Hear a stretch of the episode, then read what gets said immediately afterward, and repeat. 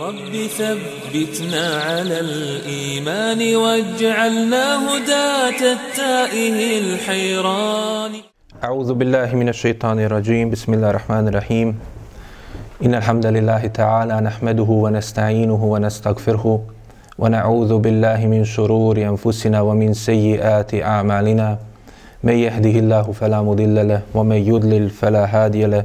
واشهد ان لا اله الا الله وحده لا شريك له واشهد ان محمدا عبده ورسوله ارسله الله تبارك وتعالى بالهدى ودين الحق ليظهره على الدين كله وكفى بالله شهيدا ثم اما بعد Svaka zahvala pripada Allahu subhanahu wa ta'ala. Njega slavimo njega veličamo, od njega pomoć i oprost za naše grijehe tražimo. Neka je salavat i selam na njegovog posljednjeg poslanika, njegovog odabranika i miljenika, naših predvodnika Muhameda sallallahu alihi wasallam, njegovu časnu porodcu, sve njegove plemenite ashabe, kao i one koji slijede njihov put do sudnjega dana. A zatim, nakon što smo u našim prethodnim druženjima govorili o bitki na Bedru i nakon što smo vidjeli kako je Allah subhanahu wa ta'ala u onome što je odredio svome poslaniku i njegovim ashabima, odredio ono što je najbolje i puno bolje od onoga čemu se oni nadali.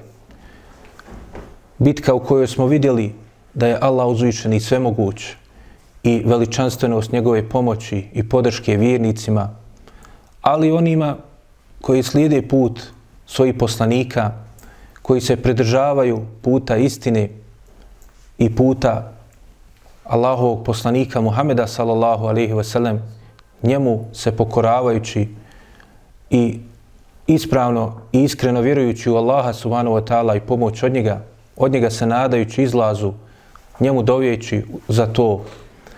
Jer vidjeli smo da je Allahov poslanik sallallahu alaihi ve sellem, kao što je Allah uzvišeni objavio već u suri Al-Baqara jednoj od prvih sura koja je objavljena u Mekki, kao što smo vidjeli neke od ajeta koji su već jel, na početku, jedna od prvih sura koja je objavljena u Medini, kao što smo vidjeli već na početku medinskog perioda, da je u njoj objavljeni ajeti koji govore i o jevrejima, i ajeti koji govore o promjeni kible i mnogim drugim propisima.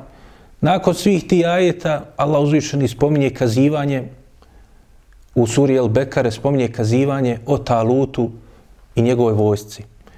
Pa kao što bilježi imam Buharija i drugi, da su ashabi kada su govorili o učesnicima Bedra, govorili da je njihov broj bio kao što je bio broj oni koji su do kraja došli do poprišta bitke sa Talutom, vojske u kojoj je bio i Allaho poslanik Davud, alaihi salam, koji će na kraju, kao što Allah uzvišeni u tom kazivanju u suri Al-Bekare spominje, poraziti Džaluta. A kao što smo to već prijetno ispominjali, dakle, Allah uzvišeni je odabrao tu skupinu i na kraju iskušao je bio na tom putu da je, kada su prošli, kao što se spominje u tumačenju tih ajeta, da su prošli pored rijeke Jordan, pa to je bila, jel, obilna i plodonosna rijeka sa lijepom vodom, a oni bili na putu i okolo nije bilo sličnih i puno takvih prijedjela gdje su mogli uzeti jel vode i obskrbiti se. Ali Allah uzvišeni iskušava i da vidi se kako će biti pokorni ili ne svome predvodniku u tom boju, kojeg su, jel, pošto su oni bili od jevrejskog naroda, dakle, već tražili da im pošalje nekog dakle, komadanta, vladara koji će ih povesti, da ne bude samo vjerovjesnik. Pa kada je poslan Talut, nisu bili zadovoljni. A on bio najbolje za njih i na kraju je ostvario pobjedu. Pa se morali pročistiti ti redovi. Pa je na kraju, kao što kaže Bera ibn Azib, bilo je učesnika bitke na Bedru koliko je prošlo pored te rijeke i ispunilo naredbu Taluta i nisu uzeli vodu da sa sobom ponesu, osim onoliko koliko su mogli uzeti u svoje šake i tu da se napoje, a ne da jel, sa sobom nose tu vodu. Pa su jel, mnogi onda odustali. I od velikog broja koji je krenuo, na kraju je bilo 310 i nekoliko još, kao što je bilo učesnika bitke na Bedru. Što je jel, isto bio jedan od išareta Allaha subhanahu wa ta'ala, Allahom poslaniku i njegovim ashabima, da se treba jel, držati puta Allahov poslanika i pokornosti njemu. I kada su to uradili, i kada su ispunili sve što se traži od njih i pokazali u tom danu Furkana, danu odvajanja istine od laži, kakav je u istinu islam i u tom vremenu velikih varvarstava, nasilja i tome slično, osvajanje i uništavanje raznih područja bez ikakvih pravila i propisa, islam je pokazao svoju veličinu da je ta malobrojna skupina naspram puno brojnije i puno jače skupine pokaže dakle i u takvim teškim okolnostima svoje pridržavanje propisa islama, svoje dakle kako je u islamu dostojanstven rat, kako je samilostan i pravedan i nema nikakve nepravde u njemu, ne onako jel, kako pripisuju islamu lažno i potvaraju, jer u tim vremenima, jel, kao što smo vidjeli iz događaja, Allahu poslanik sallallahu alejhi ve sellem najbolje je postupio i prema zarobljenicima, najbolje je postupio i kao što smo vidjeli neki je čak i pustio dobroćudno od sebe i plemenito, neki je dao da se otkupe, također od neki je uzeo samo da je opismeni neki od muslimana. I zato Allah uzvišeni, kao što kaže u tom kazivanju, dakle kazivanje o talutu i njegovoj vojsci, kaže ke min fijetin kaliletin, galebet fijeten kethireten biznillah. Koliko je, kaže, mali skupina pobjedlo velike skupine Allahovom dozvolom. Dakle, Allahova pomoć, Allahova pobjeda došla im je kada su se pridržavali Allahove vjere, kada je jel, je Allahov poslanik vratio Huzefu i njegovog babu Jemana, iako je jel, imao puno malobrojniju vojsku nasprem, dakle, mušičke, u kojoj su bile sve glavešene mušrika, zato da pokaže, jel, dakle, da muslimani poštuju dogovore koje uspostavi, da, da se pridržavaju propisa svoje vjere, pa makar se, jel, to odnosilo i prema mušicima. I zato, dakle, na osnovu tih velikih poruka o kojima se može puno i nadugo još pričati iz bitke na Bedru i šta je ona sve još krije od veličanstvenosti poruka koje se sadržane u njima, nakon toga nastupio je novi period. Dakle, period nakon dana Furkana je ponovo novi period u istoriji Islama. Novi period u životu Allahov poslanika i njegovih ashaba. Jer nakon toga više ništa nije bilo isto.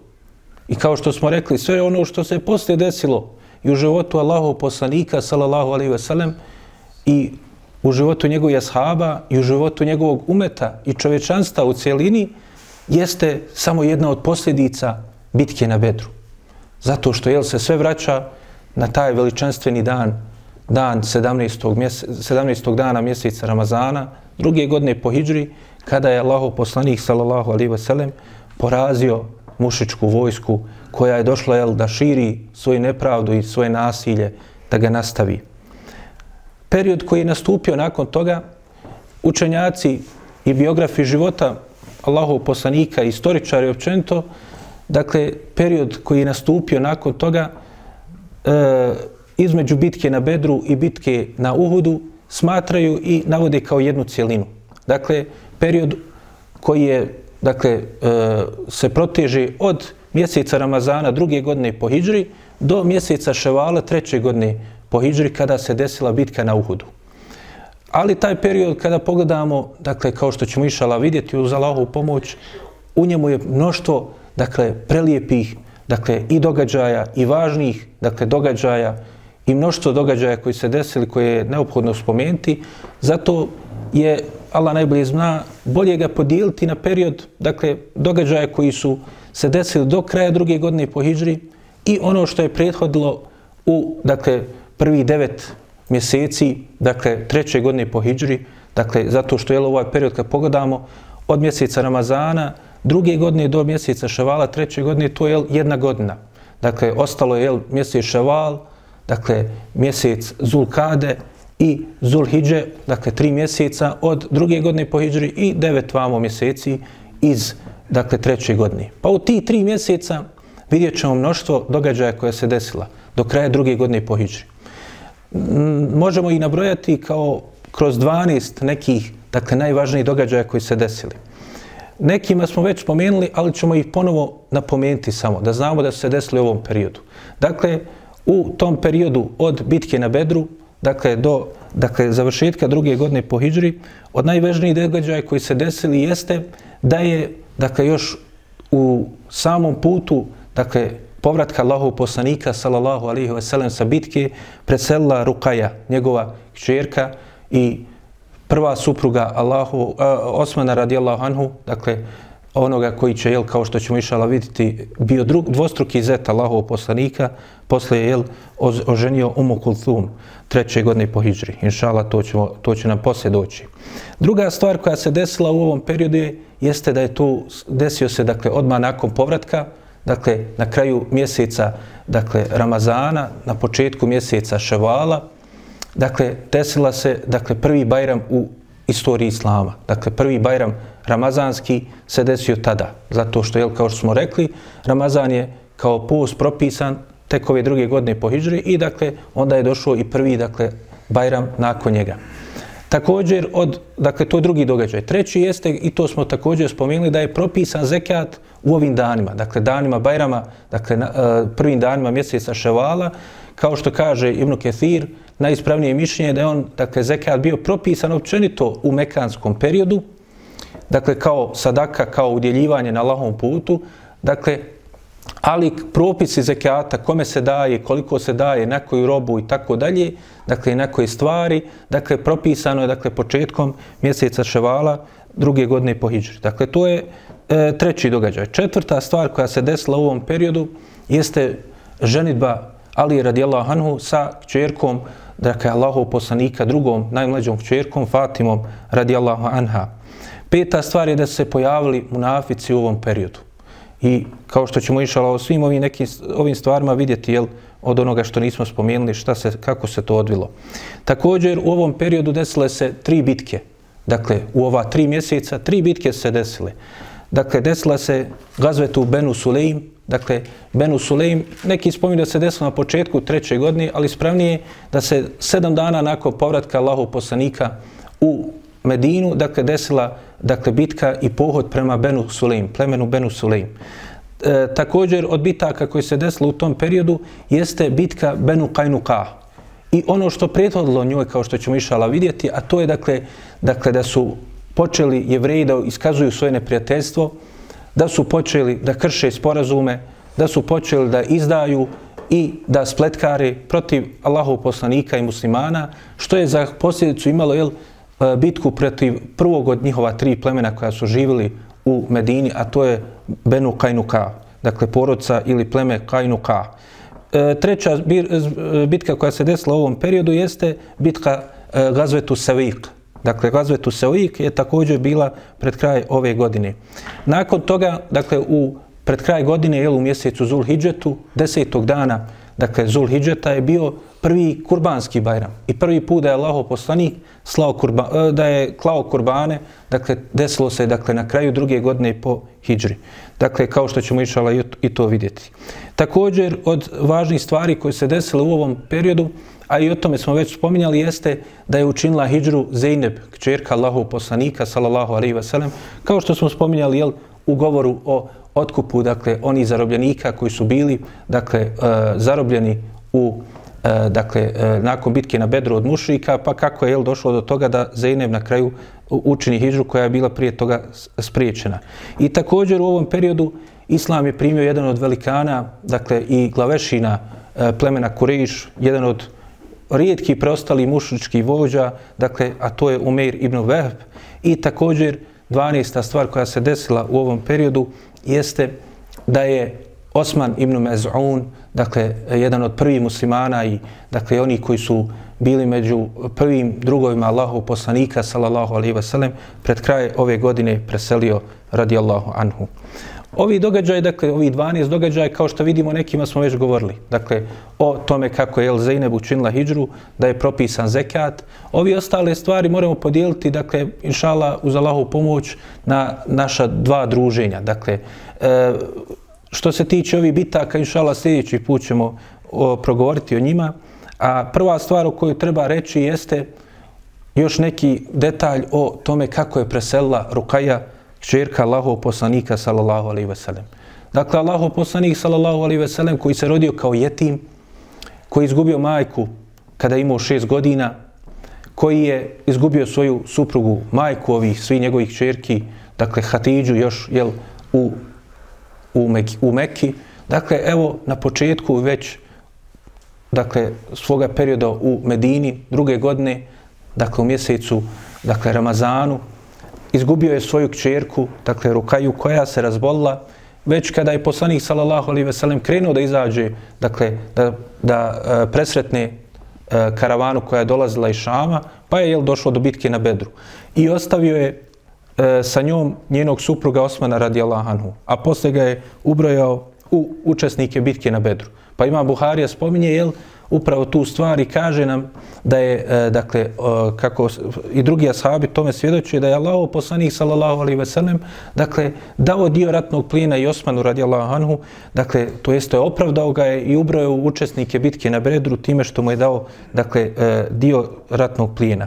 A što se tiče same Rukaje, dakle, imam Hakim to detaljnije spominje da je, kada je poslanik, sallallahu alaihi ve sellem, poslao, dakle, svoju dvojicu ashaba, dakle da obraduju e, stanovnike Medine sa pobjedom u bici, dakle Zejda ibn Harithu i Abdullah ibn Ravahu, dakle oni su zatekli jel, da je Osman radijallahu anhu već ukopao rukaju i da je ona radijallahu anha preselila, tako da je Allahu poslanik sallallahu alaihi ve sellem, alaikum salam, ostao bez, bez svoje, jel, prve od svojih, dakle, četiri kćerke, a kao što ćemo vidjeti, e, još dvije će mu za života preseliti, kao i tri njegova muška, dakle, e, dakle e, potomka, tri njegova sina, jedina Fatima radijallahu anha će poživiti šest mjeseci nakon Allahov poslanika sallallahu alihi wasallam.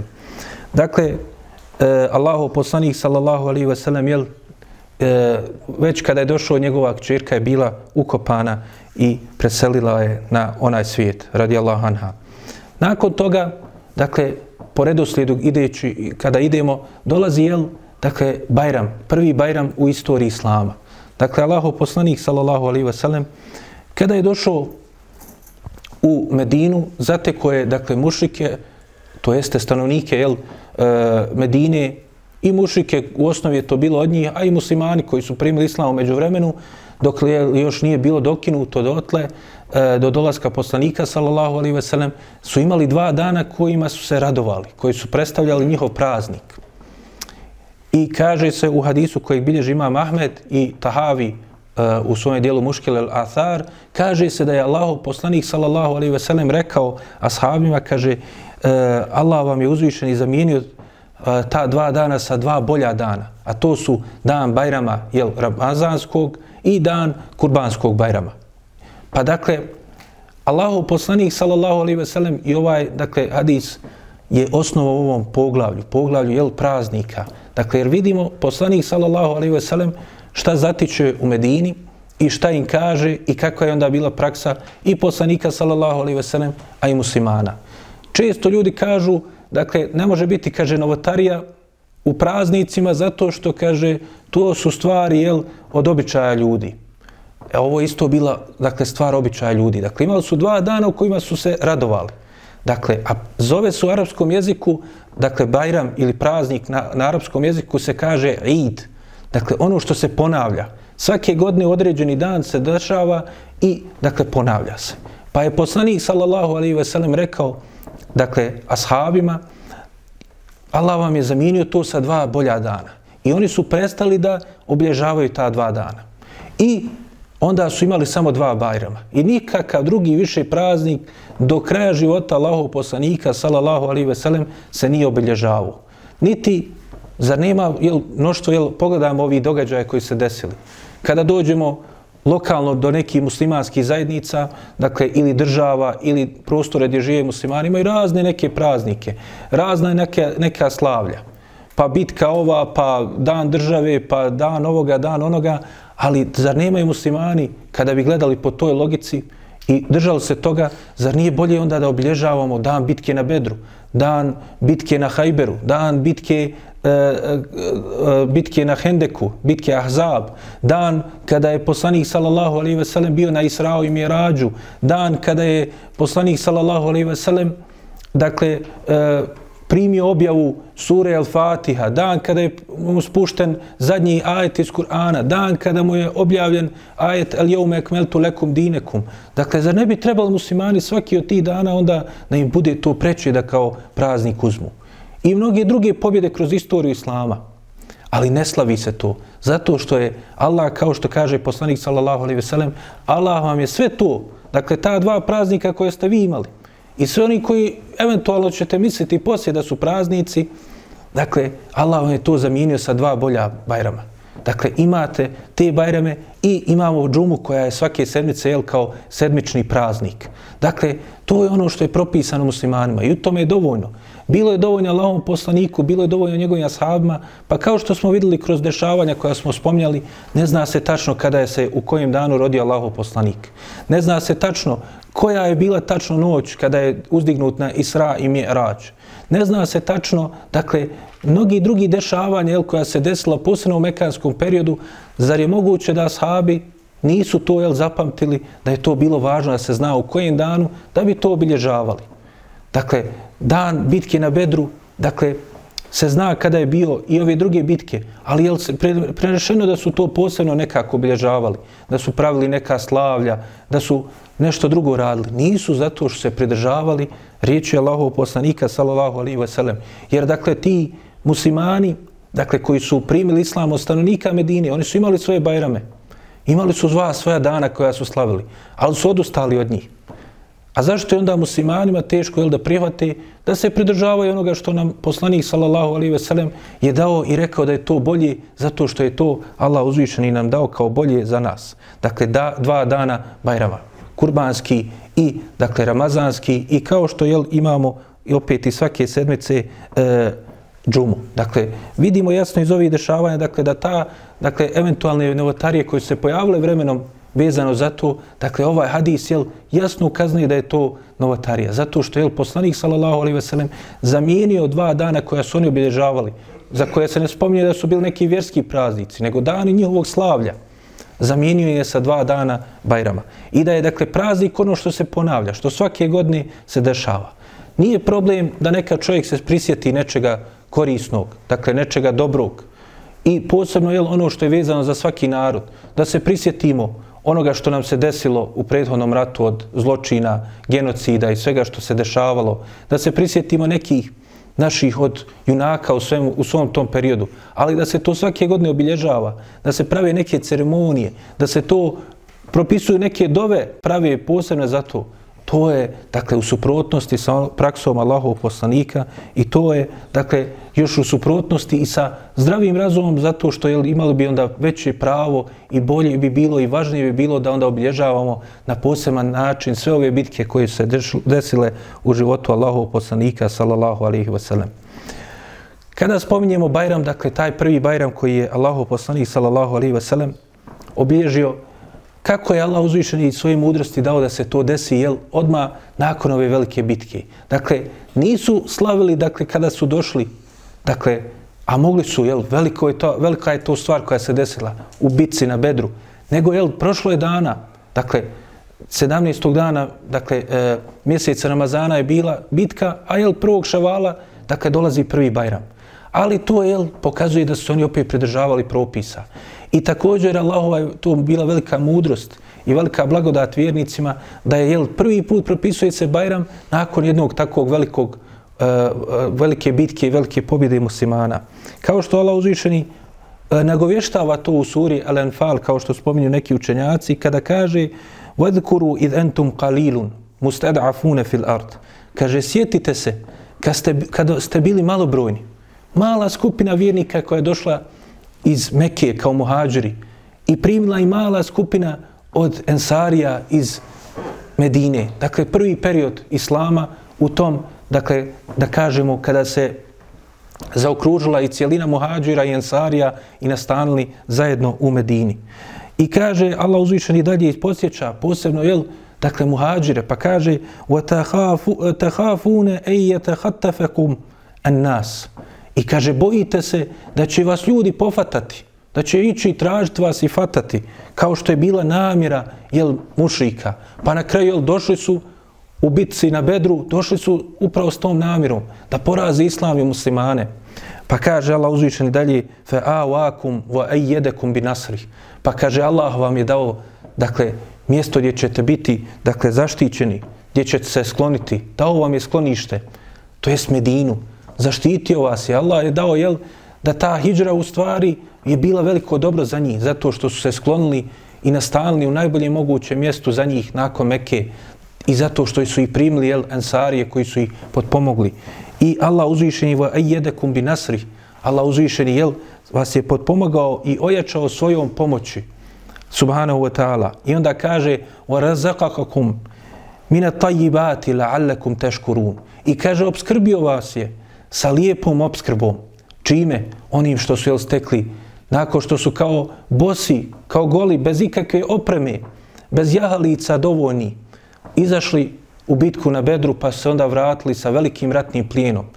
Dakle, i Allah im je dao veliku obskrbu, pa je Allah dao jel, da su u ovom danu Bajrama onda mogli da na jedan lijep način onda da to proslavi. Dakle, u radosti i veselju, dakle, obskrbljeni sa tim svim stvarima, ali zašto? Lalekum tešku run. Ne bili bili zahvalni Allahu? Ne bili, jel, onda ustrajali na putu istine i pokornosti Allahovom poslaniku i sljeđenja njegovog puta. Pa dakle, Allahov poslanik sallallahu alaihi wasallam, je počašćen velikom, jel, velikom blagodati nakon bitke na Bedru da je dobio i prvi bajram. I također onda kada pogledamo i praksu Allahov poslanika sallallahu alaihi wasallam i neke od suneta vezani za bajram vidimo velike blagodati u tome. Jer kaže se da je Allahov poslanik sallallahu alaihi wasallam kaže kada bi ujutru krenuo na bajram ne bi ništa jeo osim nekoliko datula. Kod Ibama Buhari je došao u njegovom sahiju, kaže, pojeo bi nekoliko datula, kaže vitren, to jest jel neparan broj. Dakle, nije došao tačan broj. U hadisu kod imama Ibnu Hibana se spomnije da bi pojeo neka tri, nekada pet, nekada sedam datula. Kažu učenjaci, jel, to je od suneta, dakle, da bude neparan broj, ne tri. Dakle, neki spominju tri zato što jel, to je najmanji broj neparni, dakle, a da nije jedna. Da je, jel, kada kažemo temerat, to je datula, dakle, najmanja množina u arapskom jeziku je tri. Dakle, a tri je odmah je prvi neparni broj. Pa zato su neki učenjaci izvukli da je tri, ali kao što vidimo u ovom hadisu kod Ibn Hibana, dakle, nekada bi pojao i više. I u tome je opet jedna velika mudrost. U današnjem vremenu kada naučni, e, učenjaci i naučnici istraživali hrane i vrste dakle, e, koristi od određenih voćki ili drugih, druge hrane, rekli su da je datula ima posebnu vrijednost, energetsku i svaku drugu. Najbolji je prirodni izvor šećera. Dakle, zato, dakle, čovjek koji, kao što se spomnije i od suneta poslanika, sallallahu alaihi veselem, kod e, iftara, dakle, da pojede nekoliko datula, opet neparan broj, pa onda da klanja akšan, pa onda da se iftari dalje. Zašto? Zato što, jel, kada pogledamo kako je moguće nekoliko datula nakon dugog dana posta, zato što, jel, one imaju dovoljno energije u sebi, dakle, da čovjek se, da mu to bude dovoljno. Tako da nije bilo slučajno zašto je poslanik, sallallahu alaihi wasallam, se iftario datulama i zašto je kada išao na Bajram, dakle, samo bi pojao nekoliko datula, pa onda, jel, tek nakon klanjanja Bajram namaza bi onda se, jel, e, e, bile gozbe i e, druga hrana koju su jeli, dakle, i poslanik sallallahu alaihi veselem i njegovi ashabi. I Allahov poslanik sallallahu alaihi veselem, kao što je došlo, e, to detaljnije spominje imam Ibn Kajim u Zadul Mead, spominje se jel, da je objelačio najljepšu odjeću, da je od suneta njegovi bilo i također, kako je došlo u hadisu kod Buharije, da je jednim putem išao na Bajram, a drugim putem se vraćao sa Bajrama. Što se tiče mudrosti, zašto je tako postupao? Dakle, uzmimo jel kada se to dešava. Dakle nakon dakle e, od već od prvog Bajrama nakon što jel se već počeo da pojavljuju i munafici. I nakon što je islam postao jak, nakon što su jel muslimani ojačali, potpomognuti i ojačani i dakle sa vjetrom u leđa na, na osnovu onoga što se desilo na Bedru. Pa kažu od mudrosti zašto je poslanik sallallahu alejhi ve sellem jednim putem išao na dakle Bajram namaz, a drugim putem se vraćao kući sa njega, kažu jedna od mudrosti je to što je želio da što više ljudi na tom putu posalami. salami. Dakle, kada bi prolazio kroz kuće, gledajući jel, sa aspekta onog vremena u kojem su oni živjeli. Dakle, pješke, kaže poslanik sallallahu alaihi veselem, išao na Bajram, dakle, nije išao na jahalici i onda je, kaže, želio da što više ljudi poselao mi na tom putu. Također, kaže, želio je, kaže, da uzme i bereket oba dva puta. Dakle, dakle oba dva puta, dakle, da uh, ide s njima, jel, u pokornost Allahu subhanahu wa ta'ala. Zato što čovjek je nagrađen, dakle, ne samo što ide u džamiju, dakle, svaki korak do džamije se piše nagrada, nego i oni koraci u povratku do kuće ti je nagrada. Koraci što ideš na predavanje, imaš nagradu za njih. Koraci dok se vraćaš kući sa tog predavanja, imaš nagradu za njih. Zato što je to jedno dijelo. Dakle, to je jedna cijelina jednog dijela. Dakle, dok se ne vratiš kući, nisi završio svoj put na, ta, dakle, na tom putu odlaska da činiš to dobro dijelo i tu pokornost Allahu subhanahu wa ta'ala. I također, kaže, od mudrosti je što je poslanik sallallahu alejhi ve sellem želio da onda da istakne dakle znamenitost islama. Od suneta jel da se donose tekbiri dakle prije dolaska na musalu gdje se klanja bajram ili u džamiju. Pa kaže želio je da se čuju tekbiri dakle kroz ulice Medine gdje je bilo i židova pojavljuju se munafici. Pa kaže još posebno želio je kaže još je to jedna od mudrosti želio je dakle da o, još poveća dakle e, dakle pakost i onu mržnju koju su krili munafici kod njih. Dakle da ih, da ih još više jel uznemiri zato što oni iako su jel primili islam kao što ćemo vidjeti oni su krili svoju dakle mržnju prema islamu pa je želio da je poslanik sallallahu alejhi ve sellem dakle istakne i pred njima dakle znamenitosti islama.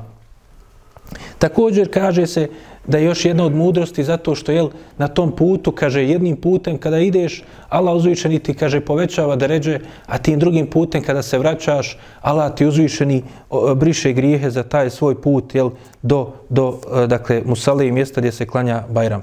To su samo neki od e, mudrosti koje učenjaci spominju zašto je poslanik sallallahu alejhi ve sellem ovo praktikovao. Dakle, e, i zašto je poslanik sallallahu alejhi ve sellem jel, jednim putem išao na Bajram, a drugi se vraćao. I ta jel, sunet treba što više koliko se može jel, oživljavati u našoj praksi. Nakon toga, sljedeća stvar koja se spominje da se desila jeste ženitba Ali radijallahu anhu sa kćerkom Allahu poslanika sallallahu alejhi ve sellem Fatimom radijallahu anha. Spominje se e, kao što kaže Ibnu Hajar, da je već prve godine po e, hijri, dakle, poslanik, sallallahu alaihi ve sellem, dakle, e, se uh, udovoljio, dakle, E, prosidbi Ali radijallahu anhu i da je ona postala, dakle, zaručnica, dakle, Ali radijallahu anhu, a da je tek u mjesecu Ševalu nakon povratke sa, sa bitke na Bedru, da su oni u bračne odnose stupili.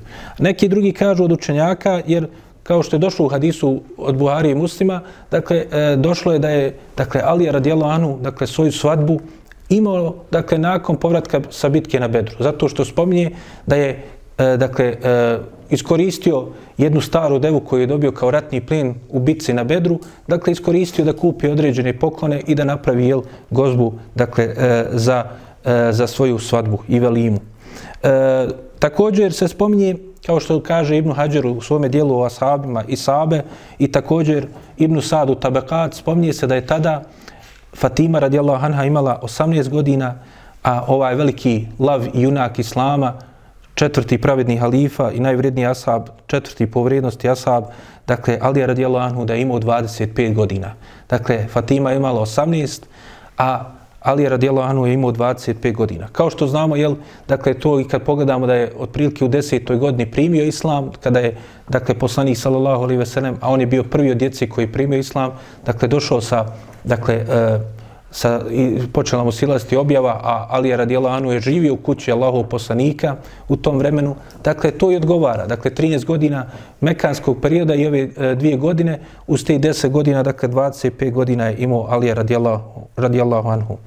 Također, od zanimljivih e, stvari vezani, dakle, za prosidbu Ali je radijallahu anhu jeste što se spominje da su prije Ali je radijallahu anhu druga dvojica ashaba došla prosila Fatimu radi Allah anha. Pa i Allaho poslanik sallallahu alaihi wasallam odbio. Ta dvojica ashaba nisu bilo koji ashabi, nego su bili Ebu Bekr radi Allah anhu i Omer radi Allah anhu. Pa je kaže se, kako je došlo u hadisu kod Ibnu Hibana i kod imama Nesaija, dobrim lance prenosilaca, da je došao Ebu Bekr, pa je, kaže, Allaho poslanik sallallahu alaihi wasallam odbio, pa je došao Omer radi Allah anhu nakon njega, pa je i njega Allahu poslanik sallallahu alejhi ve sellem odbio. I rekao je oba dvojici, kaže, ona je mala, inaha sagire. Dakle, ona je mala, još je mlada za vas. I nakon toga je, kaže, došao Alija radijallahu anhu i kaže, onda je njemu dao, da je, da, dakle, e, i prihvatio njegovu prosjedbu.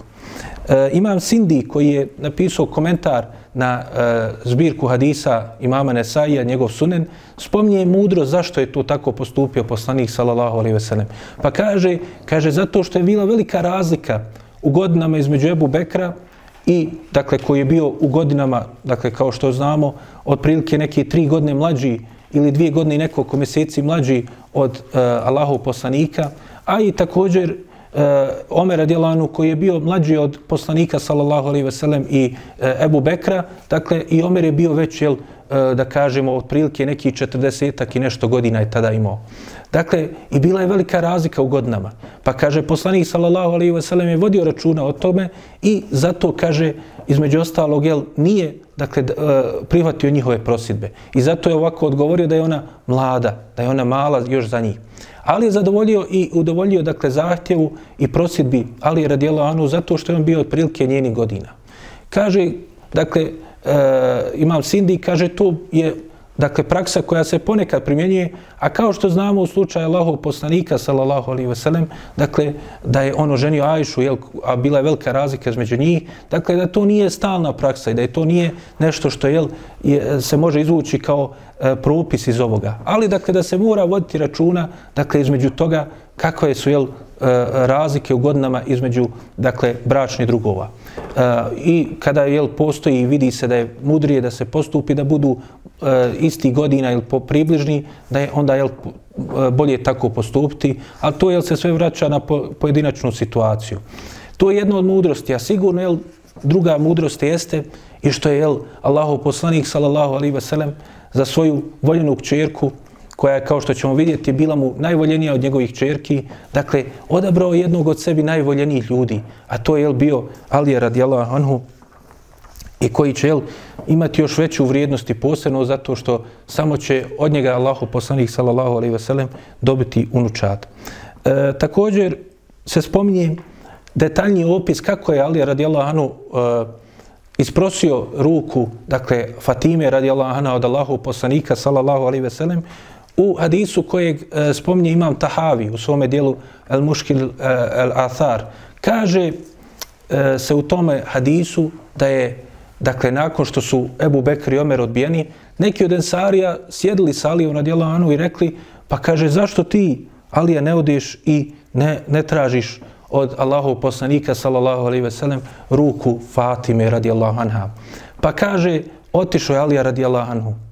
Pa kaže, on normalno postidio se od Allahov poslanika sallallahu alejhi ve sellem i došao je jel i nije odmah rekao šta želi pa ga je upitao poslanik sallallahu alejhi ve sellem kaže imaš li neku potrebu o sine Ebu Talibov?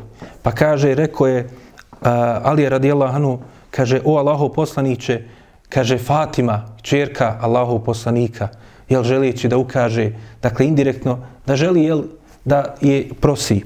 Pa kaže na to je poslanik sallallahu alaihi sellem odgovorio, kaže, merhaben wa ehlen. Kaže, rekao mu je, merhaben i ehlen, što u prevodu jedna i druga riječ mora značiti dobrodošao. Ili e, merhaba, jel, kao što i kod nas se koristi u tom smislu dobrodošao, a i kod Arapa se isto između ostalo koristi, koristi riječ ehlen ili ehlen vas ehlen. Pa kaže, E, nije znao šta da odgovori Alija radijallahu anhu. I vratio se ovim ensarijama koji su ga upitali šta ti je rekao Allahu poslanik sallallahu alaihi wasallam. Pa kaže, rekao mi je samo merhaben wa ehlen. Pa kaže, eto on je prihvatio tebe. Pa kaže, kako? Pa kaže, kada je rekao merhaba, rekao ti je dobrodošao. Drago nam je da te primimo. Radujemo se tebi. A kada je rekao ehlen, druga značenje riječi e, ehlen u arapskom jeste ehl, dakle porodca dobro došao, radujemo se, a evo ti naša el porodca, evo ti Fatima radijallahu anha. I tako je da se onda vratio e, nakon toga Alija radijallahu anhu i onda jel e, Allaho poslanik sallallahu alejhi ve sellem ga je prihvatio dakle da bude e, suprug njegove kćerke Fatime radijallahu anha. U drugom hadisu, koji također bilježi imam e, Ibn Hibban, imam Nesaju u svome e, drugoj zbirci hadisa koju je napisao, koja zove al-Kubra, isto dobrim lace, prenoslaca, spominje se šta je bio, dakle, mehr, dakle, vjenčani dar koji je dao Alija radijallahu anhu za Fatimu. Pa kaže se, jel, da on nije imao nešto posebno. Pa ga je poslanik, sallallahu alejhi ve sellem, upitao, gdje je onaj tvoj, kaže, štit koji razbija sablje. Dakle, jak, čvrst, težak štit, kaže, ovaj, i vrlo vrijedan štit. Kaže, gdje ti je taj štit? Pa je rekao Ali radijallahu anhu, kaže, on je kod mene. Pa kaže, rekao mu je poslanik sallallahu alaihi ve sellem, donesi ga. I onda je on njega dao, kao, e, dao ga kao vjenčani dar. A u hadisu kod Ebu Jale, isto vjerodostojni e, lance prenosilaca se spominje, malo detaljnije kaže se da je poslanik sallallahu alaihi ve rekao da ode i da proda taj, dakle, svoj štit koji je bio jako vrijedan i da je na, na osnovu njega dobio 480 dirhema za njega. Pa kaže, rekao moj poslanik, sallallahu alaihi veselem, dvije trećine tih, tog novca iskoristi, kupi mirise, a za jednu trećinu kupi, dakle, odjeću za jel, e, Fatimu radi Allahu anha. Allahu poslanik, sallallahu alaihi veselem, je sam spremio svoju čerku za udaju i nakon toga su jel, imali veliku gozbu, kao što smo spomenuli, kako se spominje, dakle, da je Ali radijallahu anhu napravio dakle posebnu gozbu za nju, pa se spominje između ostalog kako je došlo također kod imama Ahmeda i Tahavije, dakle da je e, Sad dao od sebe da se dakle zakolje jedan ovan dakle za tu e, e, dakle e, da, za to slavlje. E, nakon toga jel kao što ćemo vidjeti već treće godine po hidžri e, Allahov poslanik sallallahu alejhi ve sellem od Fatime i Ali radijallahu anhu dobiće svoga prvoga unuka a to je Hasan. E, a već četvrte godine po hijđri, kao što ćemo išala vidjeti, dobit će i drugog unuka, a to je Husein radijallahu anhu. Što se tiče Fatime, treba reći jel, da je ona jedna od najvrijednijih žena koja su bile u istoriji. I također ona je jedna od naj, najvrijednijih dakle, žena i ovoga umeta i općenito e, čovečanstva. I da je bila jako draga Allahom poslaniku, sallallahu alaihi ve sellem. Da je jako je volio i da je, kao što je došlo u tim hadisima, dakle, spominje se između ostalog, dakle, da je Allaho poslanik, sallallahu alaihi wasallam, rekao da su najbolje žene, dženeta četiri žene. Pa kaže, rekao je, dakle, e, i pobroje u tom hadisu kod imama Ahmeda ibn Hibana, koji je vjerodostojan, da je rekao i spomenuo Hatidžu, jel, svoju prvu suprugu, kćerku Huvejlidovu, kaže Fatima, kćerka Muhameda, to jest njegova kćerka, Merijem, kćerka Imranova, jel, Merijem, majka Isa, ali salam, i Asija, bintu Muzahim, dakle, Asija, kćerka Muzahima, koja je bila supruga, dakle, faraona koja je odgojila Musa, ali salam. Dakle, pobroju je ove četiri žene. E, također, treba reći, jel, da je poslanik, sallallahu alaihi veselem, u prvom periodu svoga života i uh, da kažem, u mekanskom periodu često spominju, dakle, Zeynep, da mu je ona najdraža čerka i da mu je ona, dakle, bila posebno, imala mjesta kod njega. A da je poslije rekao, dakle, da je to a, Fatima radi Allahanha. Kaže Ibn Hajar, to je zato što je, jel, eh, pošto Zeynep bila puno starija, pa je, jel, poslije kada je odrasla Fatima i kada se istakla svojim vrijednostima, onda je poslanik sallallahu alaihi ve sellem rekao da je ona mu najdraža. I, dakle, kao što smo već spominjali govoreći o Ajši radi Allahana, dakle, koja nije spominuta u ovim hadisima, ali se spominje u drugim hadisima, između ostalo kod Buhari i kod muslima, pa kada poslanika sallallahu alaihi ve sellem se e, su pitali, dakle, kao što ga upitao Amr ibn Alas, ko ti je naj, najdraži od žena, rekao je Ajša. A ko od ljudi, pa je rekao, kaže, e, njegov, njen otac, to je Ebu Bekr. Pa ko nakon njega, pa je rekao Omer radijallahu I drugi hadisi u kojima se vidi jel, vrijednost i posebno, dakle, e, mjesto koje je zauzimala Ajša radijallahu anha. Dakle, to je sve kroz ove periode života kako je prolazilo. I zato kažu učenjaci, jel najbolje zna, najvrednija je Ajša radijallahu anha.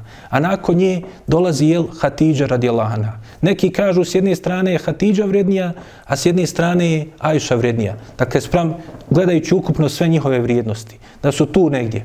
Nakon njih, jel, kao najvrednija čerka Allahu poslanika je Fatima radijallahu anha, a nakon njih dolaze ove žene koje su spominute kao u hadisu, poput Merijem, Asije i, dakle, e, e, i kao što se spominju i drugi, vrijednost drugih e, čerke Allahu poslanika i drugi neki ashabiki.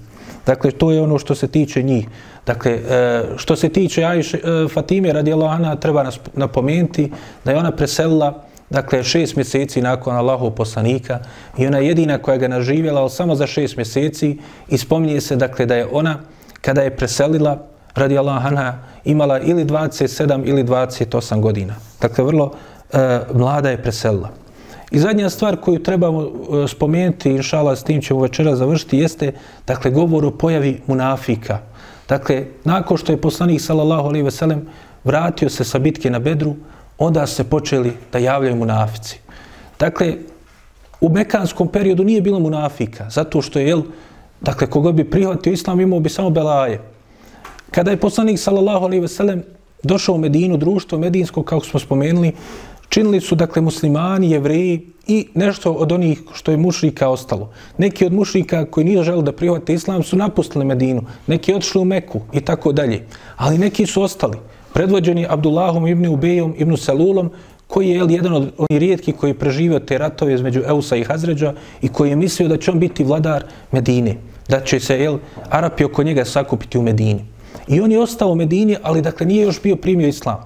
Dakle, sve do nakon povratka poslanika, sallallahu alaihi wasalam, nakon bitke na Bedru. Pa kaže se u hadisu kod e, Buharije da je, dakle, e, kako se spominje, u hadisu od Usama ibn Zejda, da je, dakle, e, poslije dakle, bitke na Bedru, da je dakle, Abdullah ibn Ubej ibn Salul skupio dakle, te svoje pristalice i rekao, kaže, sada je ova stvar se istakla, sada je dakle, se pokazala. To jeste, drugim riječima, želio im da kaže, dakle, sada smo pred izborom, znači ne možemo ostati više u ovom stanju. Dakle, i sada su oni u snazi i trebamo se i mi njima pridružiti trebamo jel, biti sa njima. Dok su jel, se istakli, osnažili, pobjedili, dakle, trebamo biti sa njima, dakle, a nar normalno ostati sakriti ono što kriju u srcima i kao što ćemo vidjeti jel, iz njihovih prakse i postupaka koji su činili. Pa dakle, onda su oni došli, kako da, kaže se dalje u ovom hadisu kod Buhari i muslima, i dali prisegu Allahom poslaniku, sallallahu alihi wasallam, i dakle, također, e, onda su jel, počeli da ispoljavaju islam u vanjštini, a u svojoj unutrini da kriju ono, dakle, od nifaka i nevjerstva koje su i dalje posjedovali i koje se, jel, u nekim situacijama će se i ukazati. I zato Allah uzvišeni nakon toga, dakle, počinje objavljivati ajete o munaficima u suri Nisa i u drugim surama. Dakle, i poslanik sallallahu alaihi ve sellem ispominje, kao što se kaže između ostalog u 142. i 143. ajetu suri Nisa, kada Allah uzvišen ispominje i kaže innal munafiqune yuhadiun Allah wa huwa khadiuhum. Kaže, doista munafici, kaže, pokušaju da prevare Allaha. Dakle, to što su jel, dali prisegu, iskazali islam, a do juče jel, su bili željni toga da muslimani budu poraženi, spletkarili i željeli su jel, da dođe do poraza u bitci na bedru muslimana, e, pomagali su mušike, jel, ali i sad će to nastaviti samo pokušao ja i da prevari Allaha. Ali kaže Allah će njih nadmudriti. Zato što jel, samo sebi kopaju rupu u koju će sami da upadnu. Samo sebi kopaju mjesto na dnu džehennema. Allah uzvišeni kaže dalje i opisuje ih i kaže وَإِذَا قَامُوا إِلَا صَلَاتِ قَامُوا قُسَالَ Kaže, dokaz toga kako su oni lažno primili islam, što je kada se pozovu na namaz i ustanu na namaz, oni, kaže, lijeno ustaju. Dakle, to je samo radi forme da, za, dakle, da klanjaju. Jura une nas. Dakle, samo da bi pratili jel, da li će neko od ljudi vidjeti.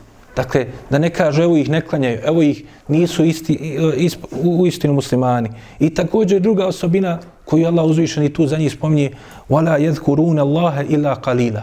Kaže i oni ne spominju Allaha osim malo. Dakle ne zikri Allaha, ne spominju. Zato što jel ne prihvataju vjeru. I također jel dalje opisuje kao što je u drugim ajetima u suri Nisa, dakle uh, uh, dakle munafike. Uh, Allahu poslanik sallallahu alejhi ve sellem je najbolje opisao tu dakle svojstvenost munafika. Pa kada kaže u hadisu kod imama muslima kako bilježi Ibn Omer, e, kako bilježi ima muslima od Ibn Omera radijallahu anhuma, kaže poslanik sallallahu alaihi ve sellem, kaže primjer munafika je primjer, kaže, e, ovce koja je izgubljena. Pa kaže, ne zna gdje da ide, ili tamo ili vamo. Kaže, vidiš je da se okrene i krene jedno na jednu stranu, onda posle se promijeni pa krene na drugu. Dakle, izgubljena, ne zna gdje će. Mudeb zabine bejne zalik. Ne znaju gdje će kao što je Allah uzvišen i u suri Nisa to spominje. Dakle, ne znaju gdje će. Dakle, promjenjivu su. Kako puhnu vjetrovi, tako se oni mijenjaju. Ovdje vidimo jel, da je pojava munafika i to se često navodi, kaže, kaže bila kada su muslimani bili jaki. Tad se pojavi munafici. Dakle, zato što jel, e, žele da uživaju blagodatima Islama, ne žele da imaju neke štete i onda u tom vremenu primaju Islam. I onda se pridružuju muslimanima. I onda se oni počnu pojavljivati i djelovati. Ali to ne znači da ih nemaju u vremenima slabosti, u vremenima kada su muslimani potlačeni. Zato što imaju munafci posebna kategorija njih. I u tim vremenima se iskažu munafici koji pokažu svoj nifak. Dakle, koji dakle, lažno primaju islam da bi se borili protiv njega. Kao što znamo u prvom vremenu, nakon jel, preseljenja Allahov poslanika, sallallahu alaihi ve sellem, pojavio se Abdullah ibn Sebe, židov jel, iz Jemena, koji je primio lažno islam da bi se borio protiv njega. Dakle, munafici, zindici, on je bio jedan od prvih od njih, koji jel, su vidjeli da je najbolje borba protiv islama iznutra. Lažno primiš islam, kao što se kršćanstvo mijenjalo preko Pavao koji je jel, bio rabin kršća, jevrejski borevši se protiv učenika i sali selam, a onda poslije je postao sveti Pavao koji je izmijenio kršćansku vjeru. Tako jel, se pokušalo i sa islamom. I, dakle, ti munafci, zindici, uvijek je bilo i biće. I vidimo to i to je vidljivo u našem vremenu.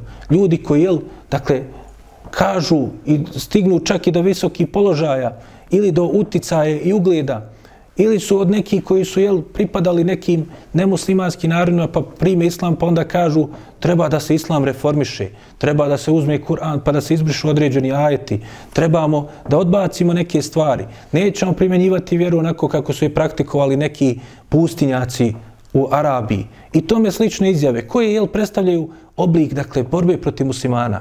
Dakle, i oblik borbe protiv Allahove subhanahu wa ta'ala vjere.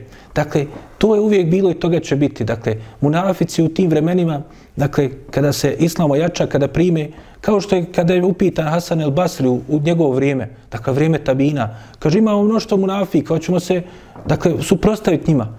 Pa je rekao tim koji su ga to upitali, ne, kaže, jer oni povećaju brojnost muslimana, povećaju, dakle, i vide nas, kada nas pogledaju oni naši neprijatelji, kažu, mašala kako ih ima, prepadne ih taj broj. Pa kaže, ne, jer oni ne štete u osnovi, oni sami sebi štete. Ali, dakle, u vremenima kada su muslimani slabosti, ova posebna kategorija zindika koja se javljala kroz istoriju, jel, onda ona pokušava u tim vremenima da odokreći muslimane. Kao onaj koji je došao, jel, i izdao Bagdad kada je pao abasijski hilafet, kao oni koji su došli i pokušali da ubiju Salahudina i Jubija, kao oni koji su došli i napali Kaabu i unijeli i odnijeli Hadžarul Esved i mnogi drugi događaj kroz istoriju koji se dešavali, dakle, koji su mnogobrojni, dakle, ali to je opet Allahova subhanahu wa ta'ala mudrost. Da se pokaže jel, ko je ispravan, ko nije. Da se pokaže ko jel, praktikuje Allahu subhanahu wa ta'ala vjeru iskreno i ko se drži puta istine i ko ustrajava na tome putu, a ko je od onih koji samo, jel, kada mu je dobro za njega, kada, što kažu, neki propisi njemu su sjeli, njegovom srcu odgovaraju, pa ih praktikuje, a kada mu dođe nešto što je teško, onda odbija to i kreće nekim drugim putem. Dakle, to je ono što smo želi da spomenimo o ti jel, događaja e, druge godine po Hidžri, a inšala sljedeći put ćemo spomenuti još ove ostale događaje koje smo naveli. Molimo Allaha subhanahu wa ta'ala da nas pomogne na putu istine, da nas se smilije. Molimo ga Subhanahu wa ta'ala da nam oprosti naše grijehe, da nam olakša ova iskušenja koja su nas zadesila. Molimo ga Subhanahu wa ta'ala da otkloni od nas ovu zarazu.